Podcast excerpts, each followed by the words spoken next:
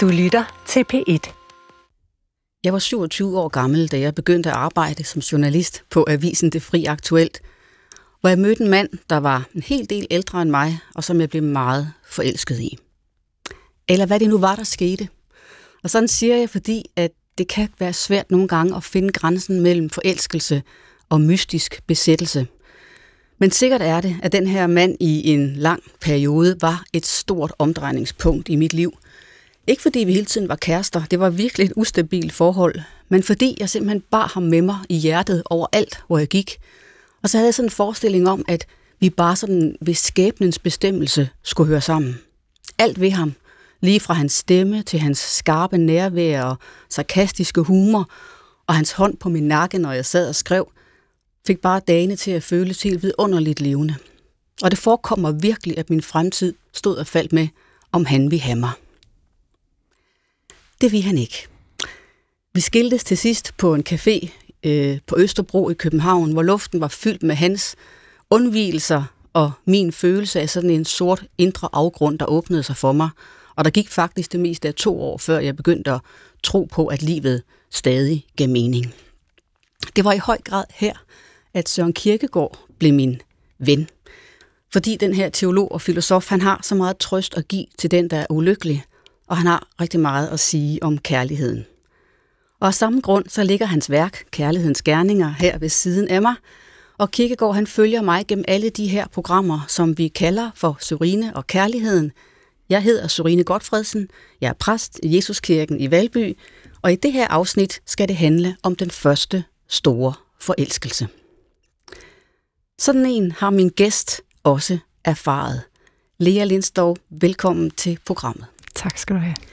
Du er journalist og dokumentarist, og inden vi skal høre mere om dine erfaringer med den første store forelskelse, så vil jeg, som jeg altid gør i de her programmer, komme med et postulat, som jeg gerne vil have afprøvet. Og i dag lyder det sådan her.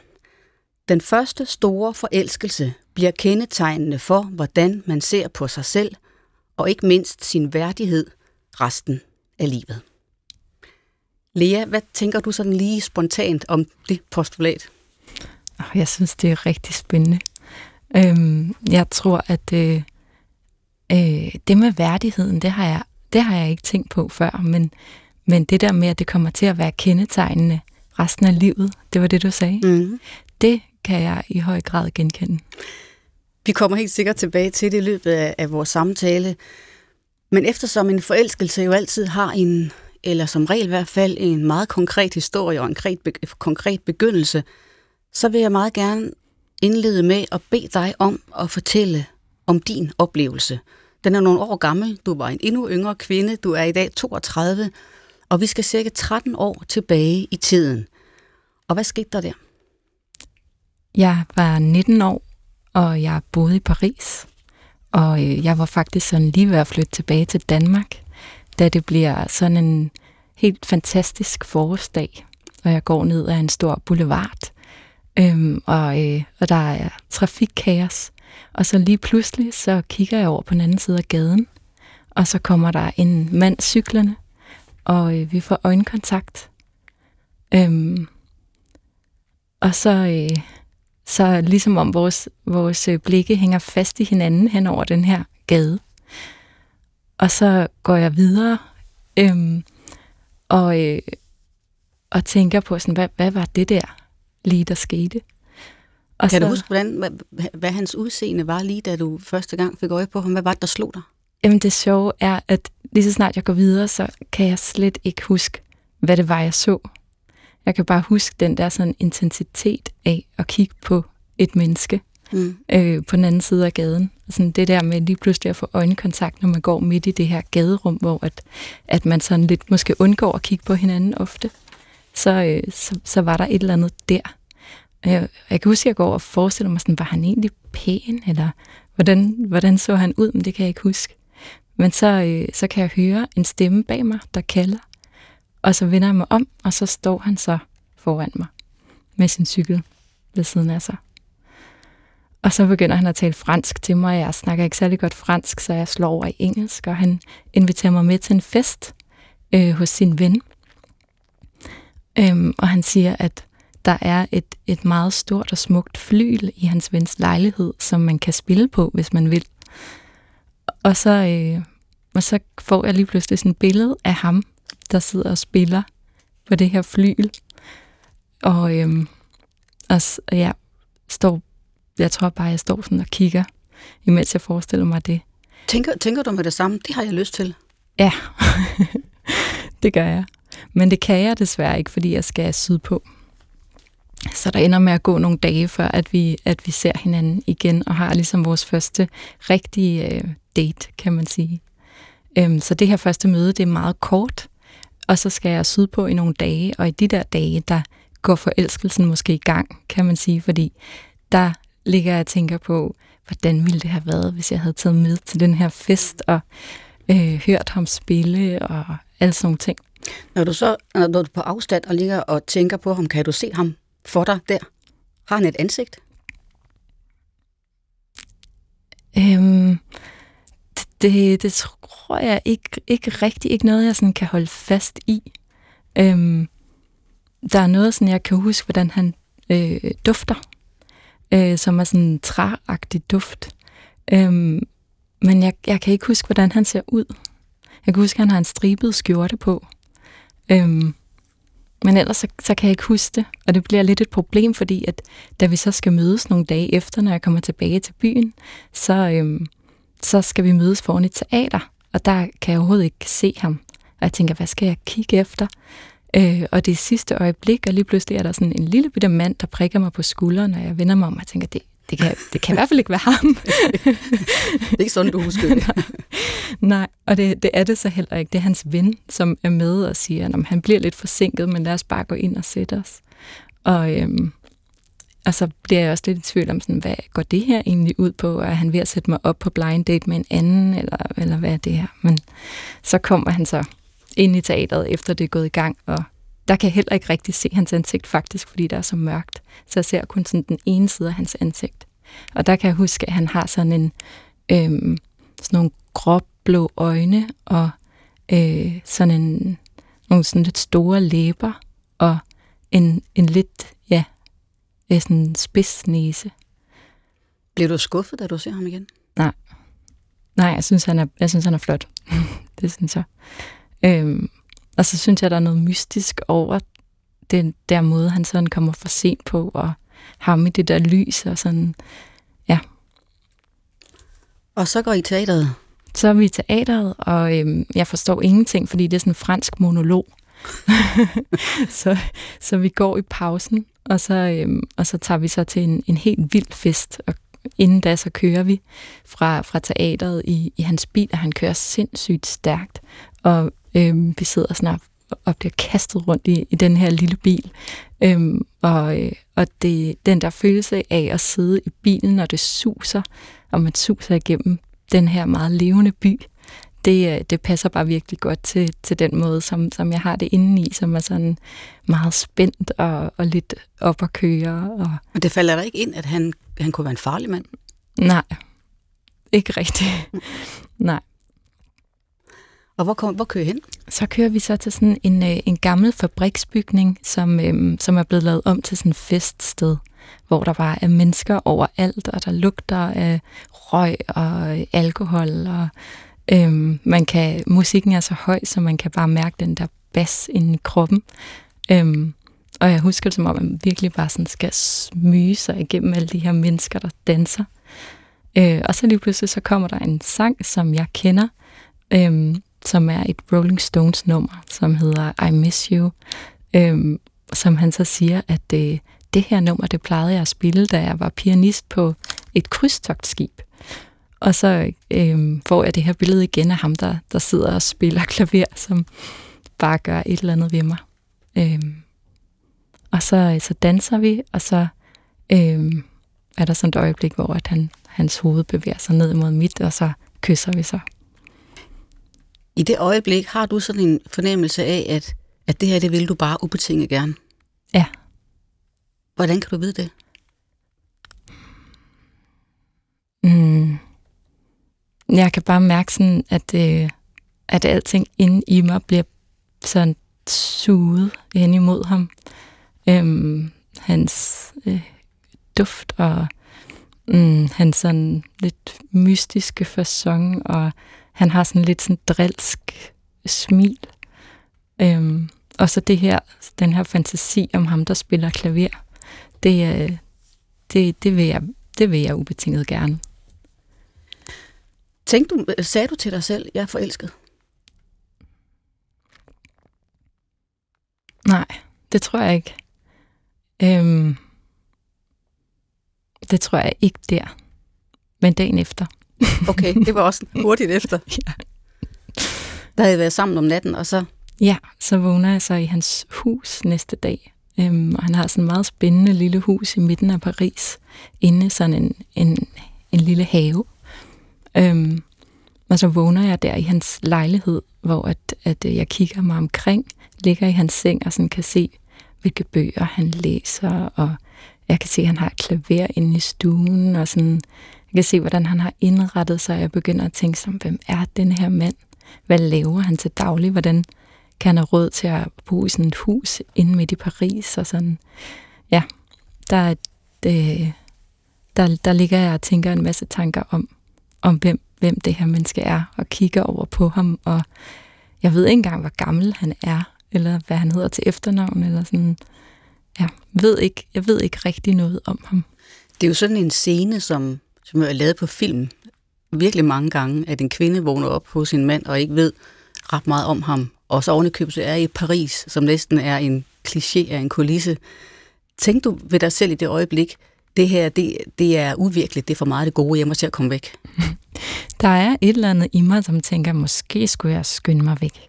Og det er sådan lidt tanken om, mm, øh, jeg tror sådan lidt sådan en, en bange anelse om, kan vide, om vi kan finde på noget at tale om, fordi vi har faktisk overhovedet ikke rigtig talt sammen. Vi har talt sammen meget kort første gang, vi mødte hinanden, og så øhm, har vi heller ikke rigtig sådan haft de store samtaler til den der fest, hvor man ikke kan høre andet end end øh, bas og et par sætninger hist og pist.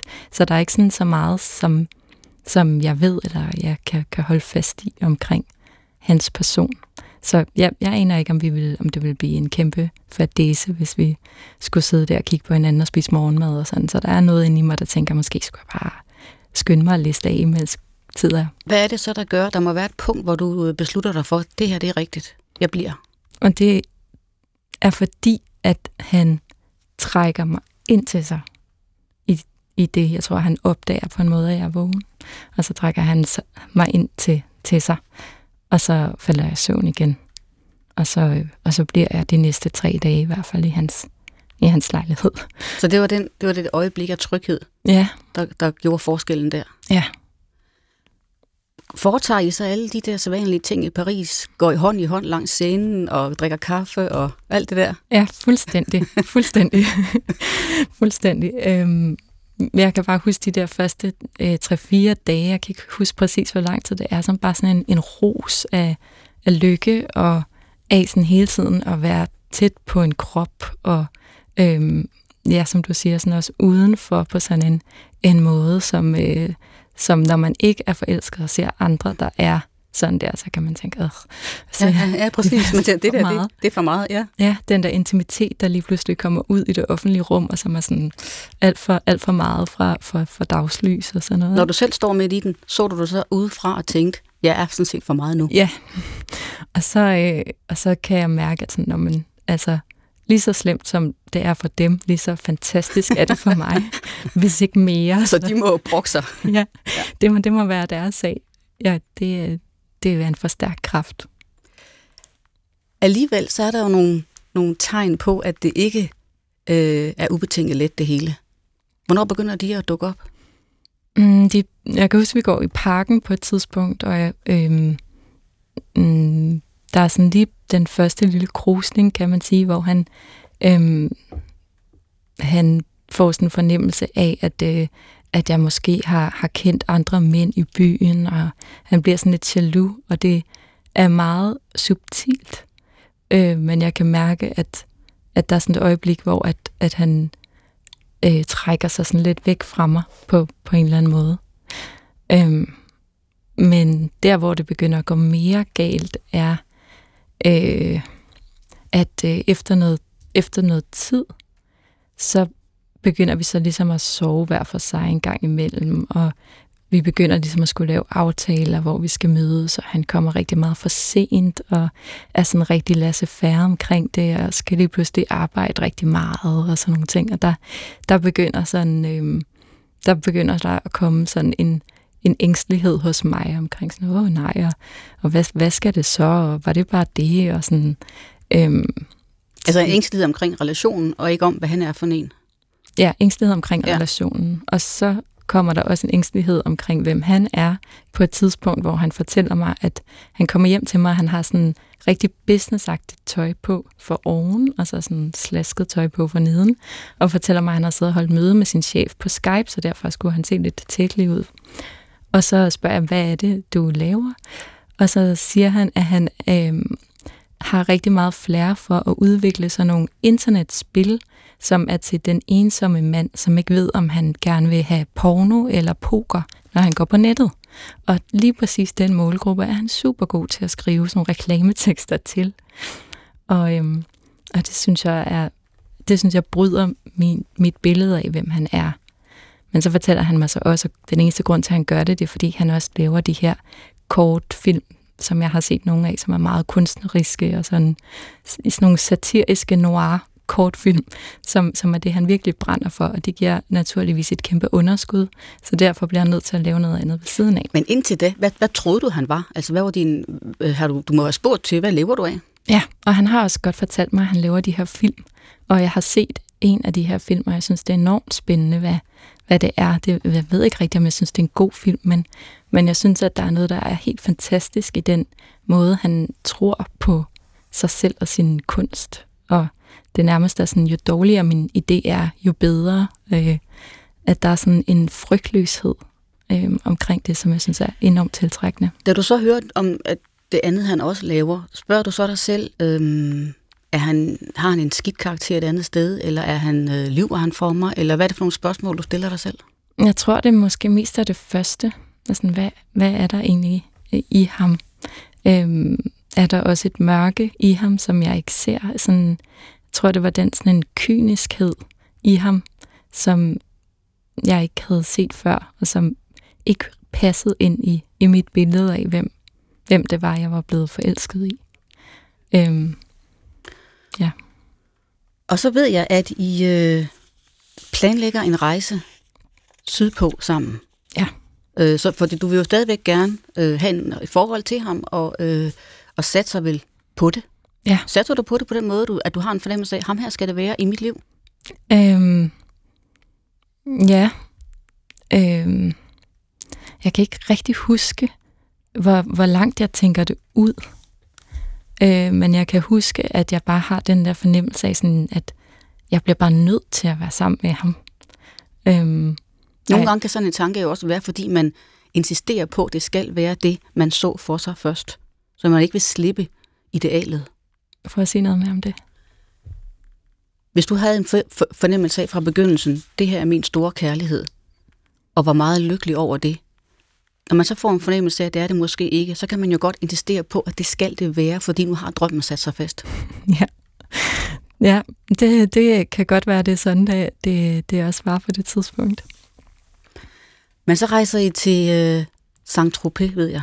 Mm. Og det gik ikke helt, som du havde håbet. Nej, det gjorde det ikke. Øhm, vi, vi sidder i toget på vej til, til Saint-Tropez, hvor han har et sommerhus.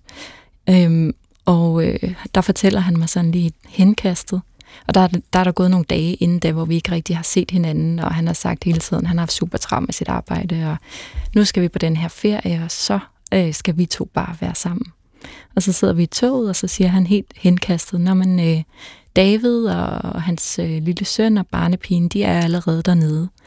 Øhm, og jeg spørger dem, hvad, hvad er de der også? Skal vi, var det ikke bare os to? Han var sådan, nå, øh, nej, fik jeg ikke sagt det? Øhm, nej, nej, de, de er også med, og jeg tror, det bliver rigtig sjovt for dig, at de er der, fordi at ham, den lille dreng, han er altså bare så underholdende, og det kommer du til at elske. øhm, så det var ligesom det første, at jeg synes, det var lidt... Jeg blev faktisk ret skuffet. Og så på den der togtur, der sidder han og så arbejder hele vejen. Og øhm, ja, der får jeg sådan en fornemmelse af at være sådan tilsidesat på en eller anden måde, og øhm, jeg bliver også ret irriteret over, at han ikke har fortalt, at, hvad det egentlig var, vi skulle ned til.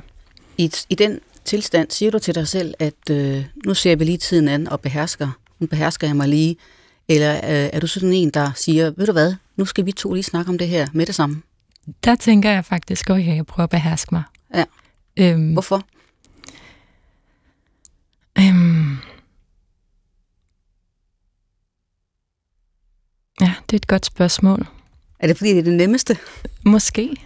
Måske er det det letteste i den situation, og så tror jeg også, der er et eller andet med den måde, han siger det på, som er meget henkastet, og sådan, det er der ikke noget at, at hisse op over, når sagde jeg ikke det, og sådan som om, at det var en, en mindre ting. Han fortæller mig også, at selvfølgelig skal, skal vi også være alene, og de bor i, et, i sådan en tilbygning, så vi behøver ikke at være sammen med dem hele tiden og sådan noget. Nogle gange kan man godt i sådan et øjeblik allerede med det samme vide, allerede nu finder jeg mig for meget. Mm. Så gør man det alligevel, Mm. fordi man kan være underlegen, eller fordi man håber, eller... Og bagefter, hvert fald, når man efterrationaliserer, så vil man nogle gange sige, allerede der Ja. skulle jeg nok have tænkt mig. ja. Men, Men- øh, Men det bliver meget værre, Ja, Serine. lad os høre. Øhm, så, kommer vi, så kommer vi til Saint-Tropez. Det er et, et hus, der ligger lidt uden for Saint-Tropez, og bliver hentet af hans øh, alt muligt mand dernede, og bliver kørt derop. Og øhm, det bliver bare sådan, når jeg tænker tilbage på de der dage, så var det bare et, altså en, en helt forfærdelig tur. Øhm, grund til, at hans ven er der, fordi at hans øh, kone har en fødselsdepression.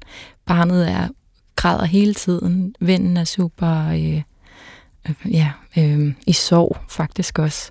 Og barnepigen, hun taler kun japansk, og så taler hun en lille smule fransk. Og, øh, og min øh, kæreste, han arbejder hele tiden. Øhm, og, øh, og jeg er fanget i det der hus, fordi det ligger alligevel ret langt væk fra byen, så man bliver nødt til at køre derned, og jeg har ikke kørekort og sådan, så er jeg bare fanget her sammen med, med den her ulykkelige lille forsamling. Øhm, og øh, han bliver bare ved med sådan at svigte mig, når vi for eksempel er på tur. Øh, så, øh, så sætter han sig ind og skriver på, på en café, imens at, at jeg så ligesom skal underholde mig med, med de her, øh, med den her sørgelige flok. Øhm, og så, øh, ja, så kommer vi også op og skændes dernede. Men der kan jeg ikke rigtig komme væk. Så der, øh, der har vi nogle, nogle store skænderier. Øh, og så kommer hans øh, rigtig gode barndomsveninde øh, på besøg på et tidspunkt, Marianne, som er jazzsangerinde, øhm, som er sådan en rigtig verdensdame. Hun kommer på, på besøg, og han er helt op at køre over, hun kommer. Øhm, og hun er også virkelig sådan en flot, karismatisk kvinde, øh, meget ældre end mig, og øh, har virkelig sådan en charme. Og der siger han så til hende, øh, du er heldig, fordi at Lea har lovet i aften, at hun vil lave en stor, traditionel dansk øh, middag til os alle sammen. Hold da op. Ja. Og jeg, øh, jeg var 19 år, og jeg kunne ikke finde ud af at lave mad overhovedet. Nej. Så jeg var sådan, hm, skal jeg lave, øh, hvad, hvad, skal jeg, hvad skal jeg dog stille op? Så, så kører han mig til supermarkedet, og der, der flipper jeg helt ud på ham. Der. Øhm, Hvordan flipper du ud? Hvad siger du? Jamen, jeg siger, hvad fanden har du tænkt på? Hvordan kan du finde på at sætte mig i den her situation? Og han er... Øhm, han, han synes, det er helt okay, fordi han synes overhovedet ikke, at jeg har deltaget dernede, og øh, jeg har slet ikke lavet mad, og så videre. Nu synes han, det var på tide, at det var mig, der gav noget tilbage til gruppen, og sådan noget. Så vi, vi er virkelig meget op at skændes. Så det ender med, at han så lover, at han vil hjælpe mig med i det mindste at lave et eller andet. I det øjeblik, hvor I har det skænderi, Ja. er din, er dine varme følelser for ham væk der? Eller synes du, han er usympatisk? Eller håber du stadig, at der er noget virkeligt inde bagved? Jeg håber stadig, der er noget. Øhm, det er sjovt, at sige virkeligt. Øhm, jeg håber i hvert fald stadig, at der er noget af det, jeg håber, han er Mm. derinde stadigvæk. Øhm, ja. Men det er ikke sådan, at jeg tænker, jeg, jeg smutter bare. Øhm, det, det er ikke på den måde, jeg er stadig, jeg er stadig knyttet til ham, forbundet til ham på en måde. Vil du sige på det tidspunkt, du er forelsket i ham stadig? Ja, det er jeg. Og det er også derfor, at, at det gør så ondt, at, øh, at han behandler mig på den her måde. Spørger du dig selv, om han er forelsket i dig? Ja, det gør jeg. Øhm, og jeg spørger også ham på et tidspunkt. Okay. Og, og hvad siger han? Øhm, jeg kan ikke huske præcis, hvordan han formulerede det, men mm, det var noget med, at jeg ikke skulle tvinge ham til at sige det. Så det var, det var ikke et ja. Og det er det, som jeg lægger mærke til. Mm.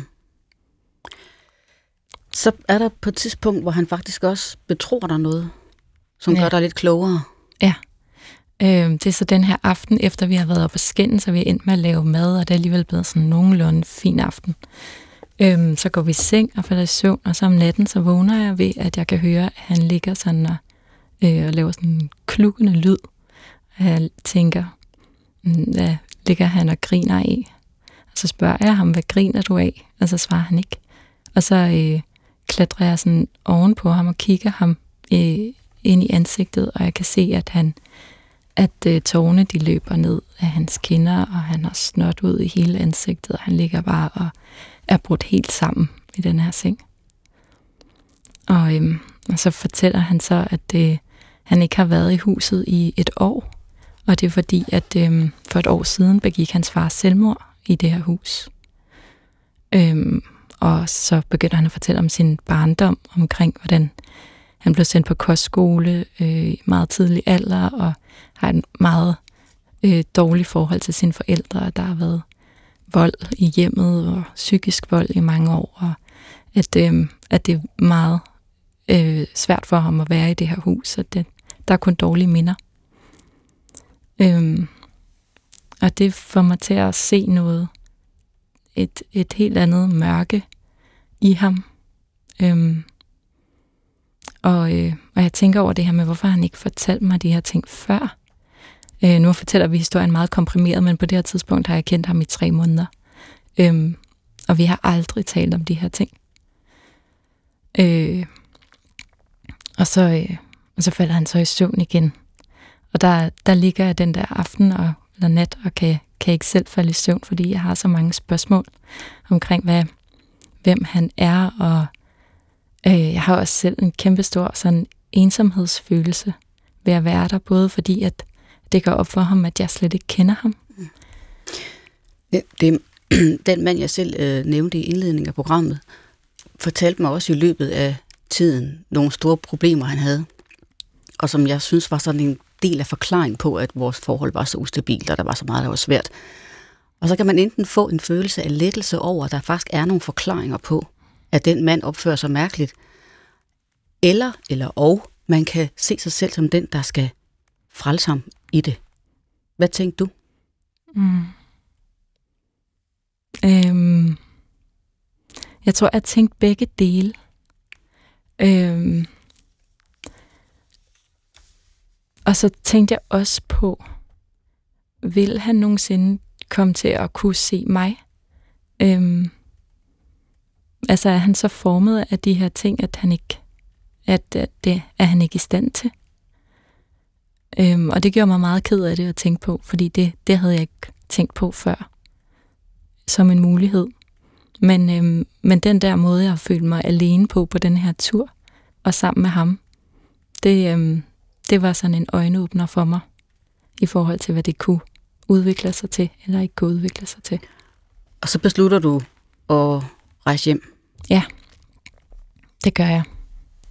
Så tager vi til Paris sammen, og øhm, Ja, og jeg bestiller en billet hjem, og øh, øh, så øh, kan jeg huske den, øh, det øjeblik, hvor at, at vi har snakken om, at vi skal gå fra hinanden, der, der ligger han på en sofa og spiser mælkesnitter, og sådan opfører sig meget barnligt, og øh, også sådan lidt apatisk på en måde. Øhm, han, øh, han virker ikke som om, han er meget ked af det. Han virker som om, han er irriteret, øh, først og fremmest. Kan du huske, hvad det sidste er, I siger til hinanden, inden du rejser hjem? det kan jeg. Jeg kommer til at grine lidt, fordi det lyder meget dramatisk, men det var, jeg sagde, hvordan, jeg sagde meget tydeligt, hvordan jeg oplevede situationen, når jeg sagde, du kan ikke elske andre end dig selv. og øh, øh, det var, ja, og så gik jeg. Svarede han ikke på det? Jeg kan ikke huske, hvad han svarede. Måske sagde han bare, øh, slap af, eller jeg kan ikke huske det. Og jeg har ikke talt sammen siden? Jo. Vi har, vi har faktisk øh, vi har faktisk været venner i 10 år. Øh, efter det. Okay, så, så, så nu, nu, nu ved du mere om, hvad han er for et menneske? Ja. Okay. Ja. Øhm, jeg tror, der går et år, før vi taler sammen igen. Øh, og der, øh, der, vi starter bare med at skrive mails frem og tilbage, og så, øhm, så vi mødtes nogle gange, sådan, hvis jeg har været i Paris, eller han har været i Danmark. Men fortæl mig lige, da du kommer hjem efter det her, den sidste svada, du har, du har fyret af, øh, og sidder hjemme i København og tænker over det. Hvordan, hvordan, øh, hvad er det for nogle øh, forestillinger og ærgelser eller tanker, du har i hovedet, når du kommer hjem? Jeg kan huske, jeg kunne virkelig genkende de ting, du startede med at sige omkring det her mørke, der ligesom åbner sig. Nu kan jeg ikke huske den præcise formulering. Ja, den sorte afgrund indeni. Ja, den sorte afgrund indeni, den, den kan jeg nærmest mærke, når du siger det, hvad, hvad det er for en følelse. Sådan virkelig, virkelig dybt mørke. Øhm, sådan, jeg kan huske øh, den første aften, jeg sover på mit lille lejet værelse på Islands Brygge, at, øh, at jeg har det som om, at sådan, på en måde at være mere alene end alene. Altså, jeg har sådan en fornemmelse af, at der ligger sådan noget koldt, spøgelsesagtigt i min seng. Øhm, og jeg har enormt svært ved at falde i søvn og vågner enormt tidligt, og øh, er sådan bare helt øh, sådan urolig indeni. Mere alene end alene, det vil jo nærmest betyde at være på vej til ikke at skulle være i verden, eller mm. det, det er jo så set den, øh, hvor man er ved at udslette sig selv. Mm. Var det sådan, du havde det? Mm. Måske. Ja, sådan ved, på en eller anden måde at være væltet, væltet, væltet om kul, eller sådan væltet ud af mig selv på en måde. Øhm, hvor, lang, hvor lang tid varede det? Og, mm, jeg tror, øh, jeg tror, jeg var ked af det heldigvis ikke så længe, måske en måned eller to måneder eller sådan noget. Så, så, så skulle jeg også rejse til et andet land, og der skete en masse andre ting i mit liv. Noget af det, der er så øh, forbløffende ved sådan en fortælling som din, det er, at når man ser på det på den anden side, så er det, så er det utroligt, hvad et menneske kan betyde i ens sjæleliv. Ja. Altså et menneske kan vende så meget op og ned på en og få en til at gøre ting, finde sig i ting, øh, se igennem fingre med ting, som man med sin fulde forstand ikke ville have gjort. Mm-hmm. Har du også tænkt på det bagefter, hvad, hvad, hvad det har, hvad, det, hvad der blev afsløret om dig i den fase? Mm-hmm. Jeg har tænkt, det har jeg tænkt rigtig meget på. Især fordi, at han har lavet en film om vores forelskelse, som jeg har set. Hvor jeg har set, hvordan han ligesom har oplevet den. Og det kunne jeg slet ikke genkende. Øhm, hvordan blev du fremstillet der? Der blev jeg fremstillet som en, øhm, en person, der øh, på en måde var... Øh, hvad, er det, hvad er det ord? Danske ord? Øhm, uoprigtig. Øhm, fordi at jeg forlader ham, når han åbner sig for mig. Når han viser, hvem han er, så forlader jeg ham. Og det, det synes jeg var meget... Øh, han havde også fremstillet sig selv meget øh, på en meget finere måde, end jeg husker. øh, men jeg tror, jeg havde en opfattelse af, inden jeg så filmen, at, at jeg gjorde enormt meget for ham og for vores forhold, og offrede mig meget og sådan noget. Men, men jeg kan også godt se, at det var også det, der skete på en måde. Men hvordan fremstillede han sig selv? Og han fremstillede sig selv sådan lidt som sådan lidt en fjollet idealist. øhm, ja, som, som lavede film og blev forelsket og inviterede den her unge kvinde med sydpå. Øhm, og, øh, og faktisk havde sådan lidt svært ved at være oprigtig selv øh, i starten af filmen. Men så sker der et skift i slutningen af filmen, hvor at han øhm, spiller med mere med åbne kort, kan man sige, og, øhm, og fortæller så også i filmen, at han elsker mig, hvilket han ikke gjorde i virkeligheden. Der er jo sådan en, øh, der er jo sådan en ramme af noget uvirkeligt Ja. omkring jeres historie. Ja. Nu brugte jeg før ordet, om der var noget virkeligt inde i ham. Ja. Og når han laver sådan en film, som er en noget tillæmpet udgave af virkeligheden, får du så den der fornemmelse af, som Søren Kierkegaard ville sige, at når man dyrker historien om, at man ubetinget elsker den eneste ene, og giver hele sin hengivenhed, som han jo mener, han har gjort, det er det, han har åbnet sig, at der i den bevægelse eller bestræbelse er et meget stort element af den der berømte selvkærlighed, som Kierkegaard altid taler om, at når man investerer sit følelsesliv, eller tror, man gør det, så er man i færd med at fortælle en historie om sig selv. Mm, det er en meget spændende måde at se på det på. Øhm, jeg tror, øh, jeg ved ikke, om det er, når man investerer sit følelsesliv, at det er der, at man begynder at fortælle historien øh, om sig selv, fordi jeg tror, jeg begyndte at fortælle historien om mig selv igennem ham endnu tidligere. Altså nærmest i det, i det første sekund.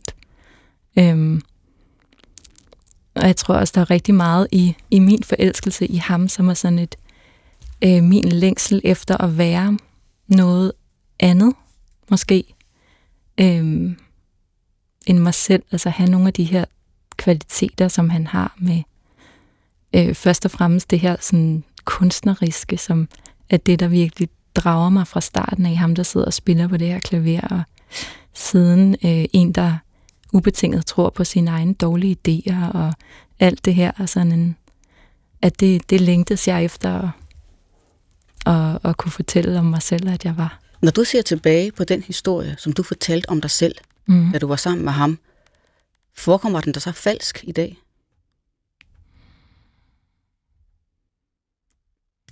Det er svært at sige.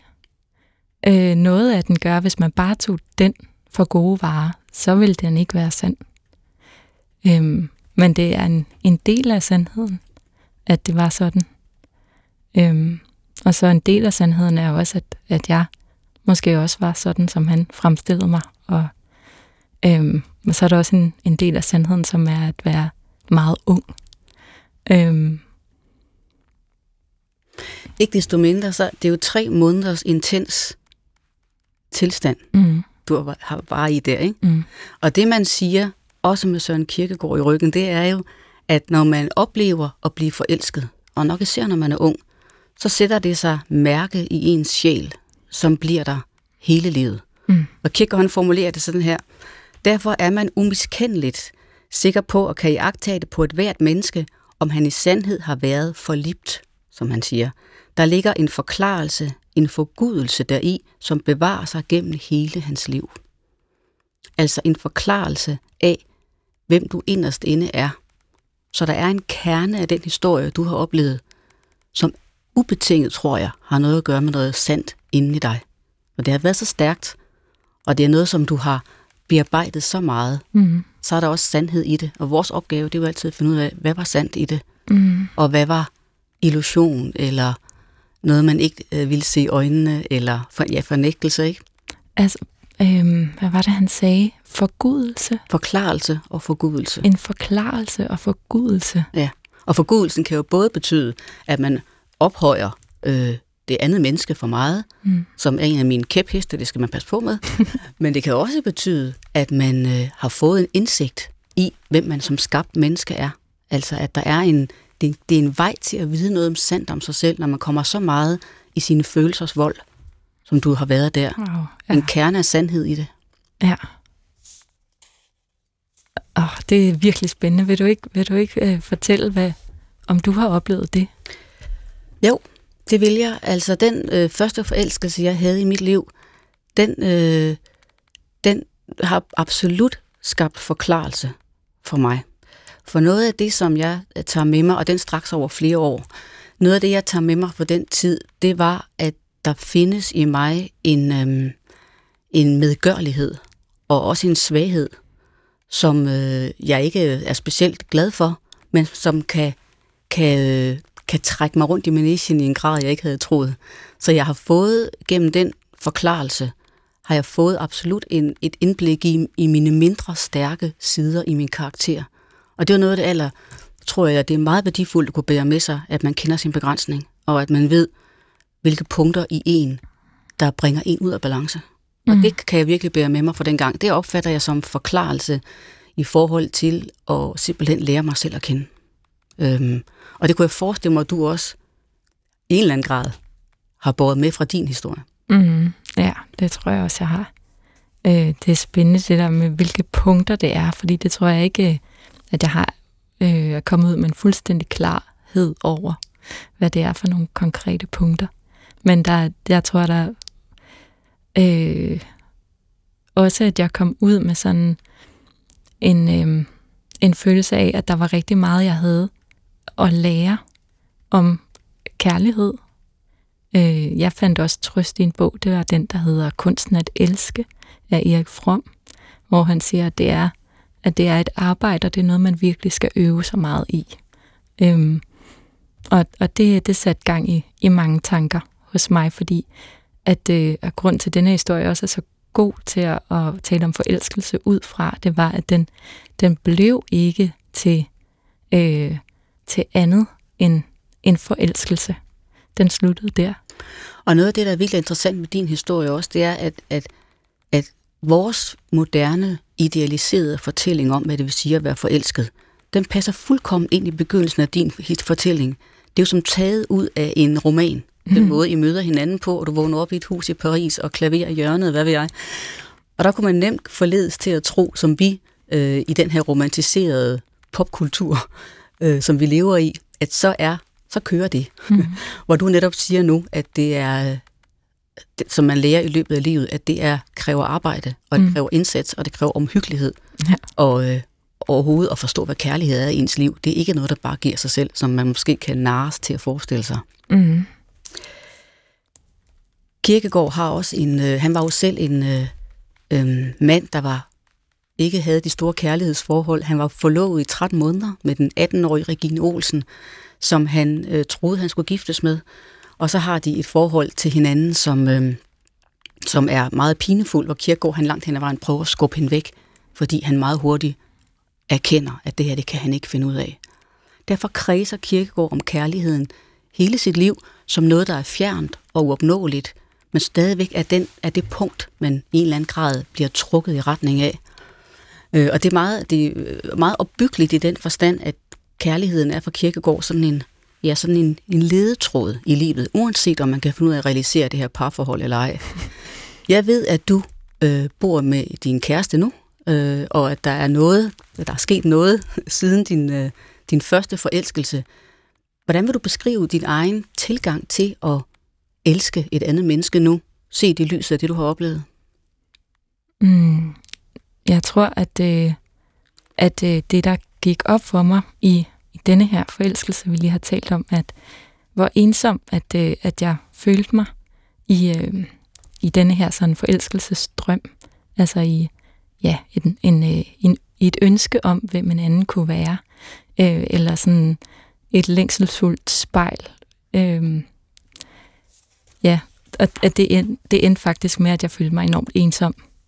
Og noget af det, som jeg mærker i med min kæreste i dag, det er, at jeg føler mig enormt set. Øhm, og at, at, øh, at der bare er en, en kæmpe stor forskel på de to ting. Og så kommer jo det, det irriterende spørgsmål. Er, det, er der noget, der så ikke er der? I, i nu? Ja. Øhm, Øh, ja, altså, øh, der øh, for eksempel vores forelskelse var, var meget øh, mere langstrakt og mindre intens. Øh, jeg var ikke sådan, øh, jeg føler ikke, at jeg er blevet skubbet lige så meget rundt øh, og nået ud til lige så mange yderpunkter, kan man sige, men det har været meget mere roligt og øh, øh, Ja, jeg ved ikke rigtig, hvad jeg, hvad mere jeg skal sige om det. Har du prøvet? Ja, øh, jeg, kan, jeg kan meget, meget nemt genkende din beskrivelse af ensomhed. Mm. Ensomhed og forelskelse, de føles altså ad som øh, øh, Dupont og Dupont, han har sagt. Det er, det er den der øh, følelse af, at det er den det er kanten til ensomhed, man balancerer på, mm. når man er forelsket på den måde, som du var, og som jeg også var. Kan du i dag sætte ord på, hvad forelskelse er for dig? Hvis du skal beskrive en forelskelse kort, hvad er det? Det er fantasi. Øh, det er et sindssygt øh, frugtbart, kreativt sted, hvor at øh, alting er muligt. Øh, men det er også øh, det er også længsel, og det, det er meget svært at finde ud af, om det er mere. Ja, præcis. Hvad tænker du? Meget det samme. Det er meget svært at finde ud af, om det er mere. Og det er jo også derfor, at det er så øh, lidt tankeløst at dyrke forelskelsen som den tilstand, man har lyst til at leve i, fordi det er det, der det færreste, der kan holde til det. Og nu er vi ved at være fremme ved postulatet. Jeg gentager det lige. Den første store forelskelse bliver kendetegnende for, hvordan man ser på sig selv, og ikke mindst sin egen værdighed resten af livet. Mm. Hvis du skal se på din værdighed øh, som menneske og som kvinde, hvad, øh, hvad skete der med den på det tidspunkt, og har det præget dit syn på, og hvor værdig du er? Mm, det tror jeg. Øhm, altså faktisk så synes jeg egentlig, at jeg slutter vores forelskelse af med sådan ligesom også at mærke øh, mm, mit værd på en måde. Altså mærke, at det ikke bliver, bliver værnet om øh, eller, eller set.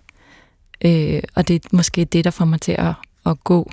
Øh, jeg mærker det først og fremmest som en ensomhed, men, men det er også fordi, at jeg ikke føler, at, at, øh, at, øh, ja, at jeg er værdig øh, nok til at blive, blive elsket af ham, eller han ikke føler det. Øh, men, men også, at jeg mærker, at sådan har jeg det ikke selv. At jeg føler, at jeg fortjener at, at blive elsket tilbage. Øh, men jeg tror, at, at at miste ham, og sådan det med ikke at høre, at han elskede mig, øh, at det også satte gang i nogle uhyggelige øh, tanker eller stemmer i mit eget hoved om sådan, er der no- måske nogen, der synes det, eller øh, ja, det, det der, de der dage efter jeg var kommet hjem, der følte jeg virkelig, at, øh, at jeg skulle spejde langt efter den der værdighed. Men giver du mig dermed ret i, at en, en stor første forelskelse sætter nogle spor i en, som præger ens personlighed resten af livet? Ja, det tror jeg. Og ikke desto mindre, og det synes jeg også er vigtigt at få med, så øhm, jeg hævder ikke, at alle folk prøver at blive forelsket. Det tror jeg også er en trivialisering af fortællingen om os. Det er ikke sikkert, man prøver det, og man kan sagtens få et dejligt liv alligevel. Men jeg tror, der sker noget i et menneske, som bliver meget overrumplende forelsket, hvor der bliver sat noget, noget følelsesliv frit, mm. som, vil være, som vil kunne mærkes altid. Mm. At det er der, man første gang vågner op og bliver kastet ind i livet på en måde, man ikke selv øh, overhovedet havde set komme. Og som både Kirkegaard prøver, og som Grundtvig også prøvede for lige at inddrage endnu et fyrtårn, som faktisk fik sit kolossale følelsesliv sat i værk, også af en forelskelse i en kvinde, da han var en ganske ung mand. Så jeg tror, at den her første forelskelse er, øh, øh, ja, på den måde er kendetegnende for, hvordan vores følelsesliv øh, udfolder sig, og hvordan vi lærer os selv at kende. Må jeg slutte af med at spørge dig, ja. om øh, din, øh, ham, du skal giftes med, om din forelskelse i ham, øh, hvordan den er anderledes fra din første? Den er langt, langt mere grundfæstet i mig, og den er meget mere sund, og den, er, og den foregår mellem to ligeværdige mennesker. Og det er jo også det, der kan være ubehageligt for ens selvværd og værdighed. Det er jo den der følelse af, at en relation, man har været i, aldrig rigtig var ligeværdig. Og jeg tror, at forelskelsen og kærlighed i det hele taget øh, virkelig bliver smukkest, når to mennesker føler sig ligeværdige. Så det vil jeg sige, det er den, det er den, øh, det er den meget store forskel på det. Til gengæld skal jeg lige spørge dig, når du er en slags ven med ham her, mm. ved han godt, hvordan du har oplevet alt det her, og øh, er det noget, I ikke taler om? Det ved han godt, fordi jeg lavede en, en dokumentar øh, om øh, denne her forelskelse for nogle år siden. øhm, og, øh, og var nede i Paris og, øh, og optage lyde fra de her forskellige locations, hvor at, at jeg også talte med ham, og det var meningen, at han skulle have deltaget i det interview.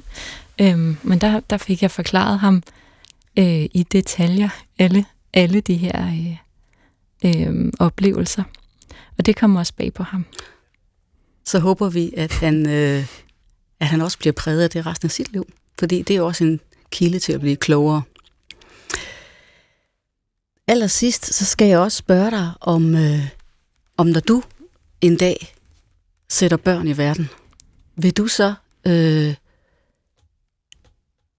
vil du så prøve at forberede dem på, hvad det vil sige at blive forelsket i livet?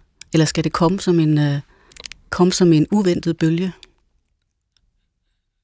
Jeg håber, det skal komme som en uventet bølge. Hvorfor det?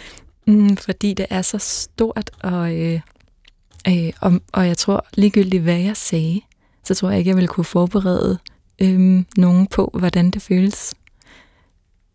Øh, men jeg kan huske fra, da jeg selv var barn, at jeg tit var forelsket bare inde i min egen fantasi i folk, jeg selv fandt på. Og det er måske et endnu renere billede på forelskelse. Men det passer meget smukt med, med Kirkegårds grundindstilling til det her med at blive forelsket, hvor han faktisk på et tidspunkt skriver, at øh, det kan ikke fortælles videre. Man kan kun forstå det ved selv at have prøvet det, hvilket kan få os kirkegård-nørder til at antage, at han rent faktisk var forelsket i Regine Olsen, fordi han forstår virkelig at beskrive, hvordan det føles. Det må man sige. Lea Lindstorv, jeg skal sige tak til dig. Tak fordi du vil komme her og fortælle din virkelig interessante og meget personlige gribende historie. Tak skal du have. Tusind tak, fordi jeg måtte komme. Jeg hedder Sorine Godfredsen, og jeg har tilrettelagt programmet her sammen med min producer, Mikkel Clausen, og vi er tilbage om en uge med et nyt blik på kærlighedens mystiske og hemmelighedsfulde væsen. Og så skal vi som altid slutte med Gasolins øh, nummer fra 1975, Sankt Dimitri, men i dag skal vi faktisk høre den i en engelsksproget udgave.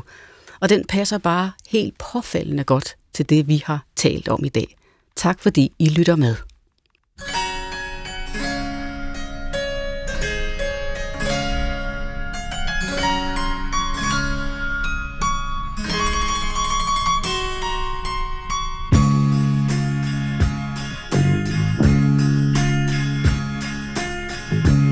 Oh, the captain set me free. Said I could sail today. So when you get this letter from me, I will be far away. We were too young to marry, and too young to know. Dear Rita, I'm sorry. Oh, oh, but I have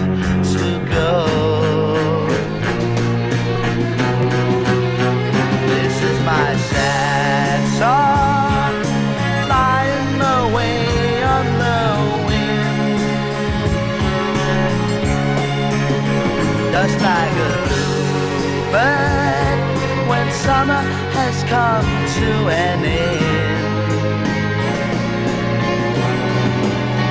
For such a long time I tried to break away from the sea. But I'm too restless. You know, those faraway places were calling me.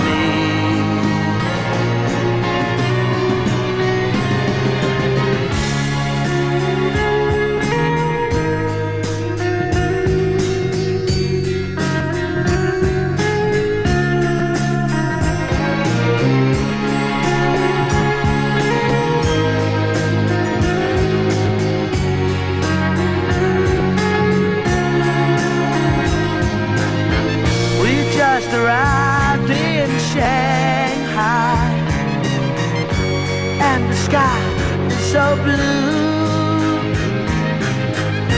I got leave from the captain, but Rita, where are you? This is my sad song.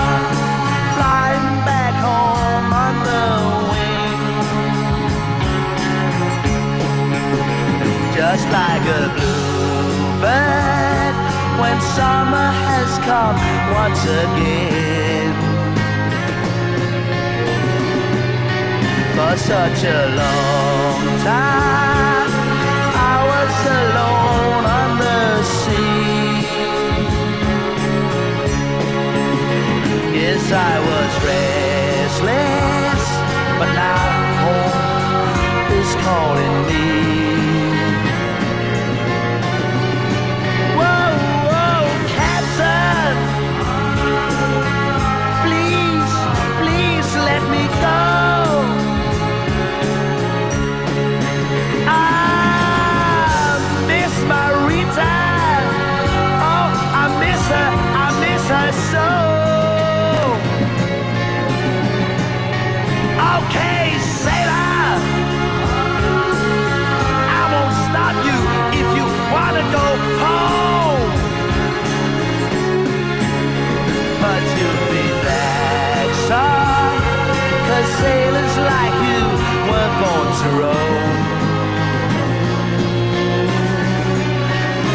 Sail forever.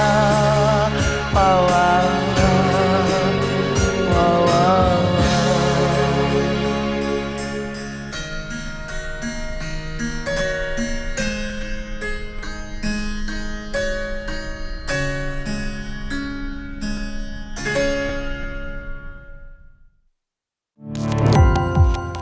Gå på opdagelse i alle DR's podcast og radioprogrammer. I appen DR Lyd.